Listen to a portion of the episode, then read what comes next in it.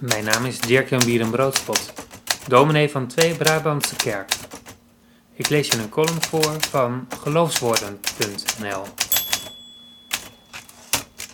IJsheiligenkoorts Van 11 tot en met 14 mei zijn het de dagen van de ijsheiligen.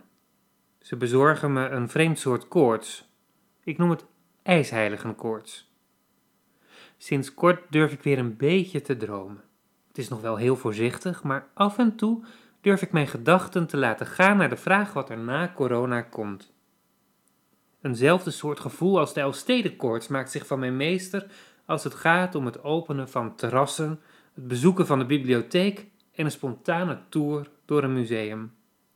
Om de samenzang in de kerk nog maar even te vergeten. Maar net als bij een Elfstedentocht zijn de weerprofeten doorgaans minder opgewekt van toon dan de schaatsliefhebbers. Bovendien zijn er dan nog rajonhoofden. Zij wijzen stevast op de zorgelijke toestand van het ijs waar je je zeker na één nacht nog niet op moet wagen. De weersverwachting en hun zuinige blik tempert elke prille schaatseuphorie. Het nam alleen niet weg dat ik deze winter heerlijk heb geschaatst. Als het gaat om de weersvoorspelling van het kerkelijk klimaat, kennen we bijzondere profeten.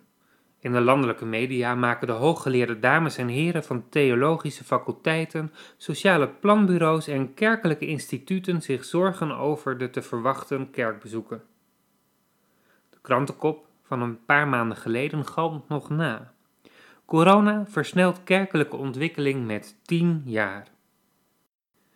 Met die kop ben ik het roerend eens, maar met de boodschap die het moet samenvatten totaal niet.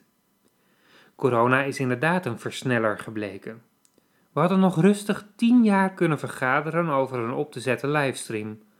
We hadden nog tien jaar na kunnen denken over een digitale nieuwsbrief en er was nog tijd genoeg om alles bij het oude te laten.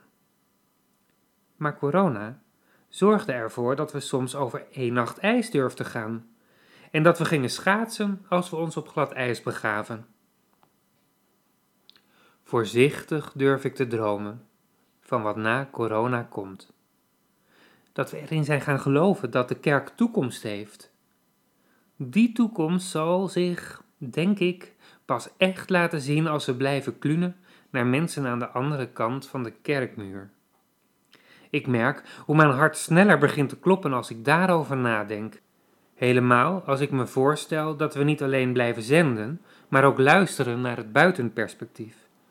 Als Elfstede koorts het halve land kan verbroederen, moet ijsheilige koorts toch ook wel iets kunnen doen? Je luisterde naar een column die ik schreef voor geloofswoorden.nl. Vond je het de moeite waard? Deel het gerust met anderen. Graag tot een volgende keer.